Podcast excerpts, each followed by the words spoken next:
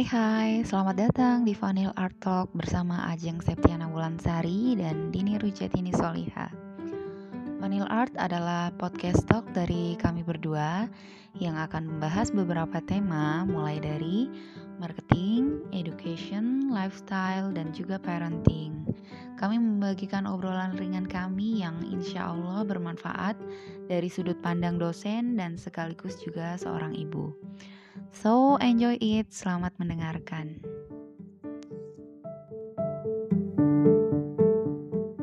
Atau lagi mungkin yang banyak jadi ya. motivasi teman-teman satu masalah masalah uang, masalah uang. Gimana kalau jadi dosen itu uh, menghasilkan nggak sih? Menghasilkan nggak sih? Menghasilkan. Oh iya, iya, ya, ya itu itu ada hubungannya dengan ini gitu kan uh, pertama kita harus passion dulu. Nah, yang kedua mengenai cuan cuan atau enggak gitu kan. Enak nggak sih jadi dosen tuh bikin kaya nggak sih gitu ya.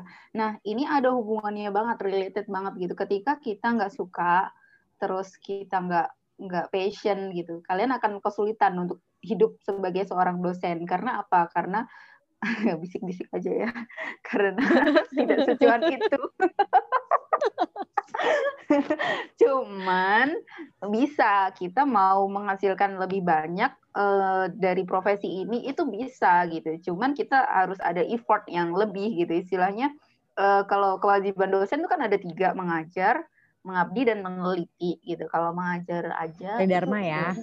Uh, tridharma ya kalau mengajar aja istilahnya cuannya dikit gitu ya.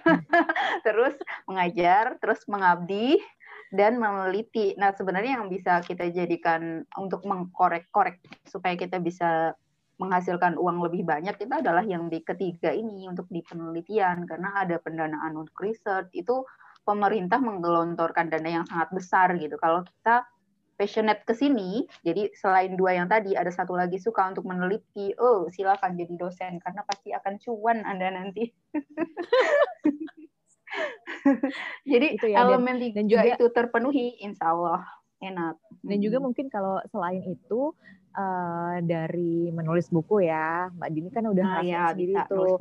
Nah, nah nulis buku. Nah ini episode kita selanjutnya nanti akan ngomongin bukunya boleh, Mbak boleh. Dini ya. Jadi jadi uh, jadi dosen itu kan pasti kan salah satu tuntutannya adalah menulis menulis buku gitu. Hmm. Nah, buku-buku ini kan bisa dijual yang kita juga dapat royalti dari penerbitan gitu. Nah, mungkin ini juga salah satu yang bisa membantu. Nah, selain itu kalau saya dengar ya, kalau saya dengar saya dengar dosen-dosen ini biasanya uh, sering dipanggil sebagai staf ahli atau uh, seseorang pihak yang kompeten yang ahli dalam proyek-proyek, proyek pemerintah, yeah. proyek swasta. Nah, mungkin hmm. kan uh, dapat tambahan di situ ya dari side jobs. Ya, ah ya gitu.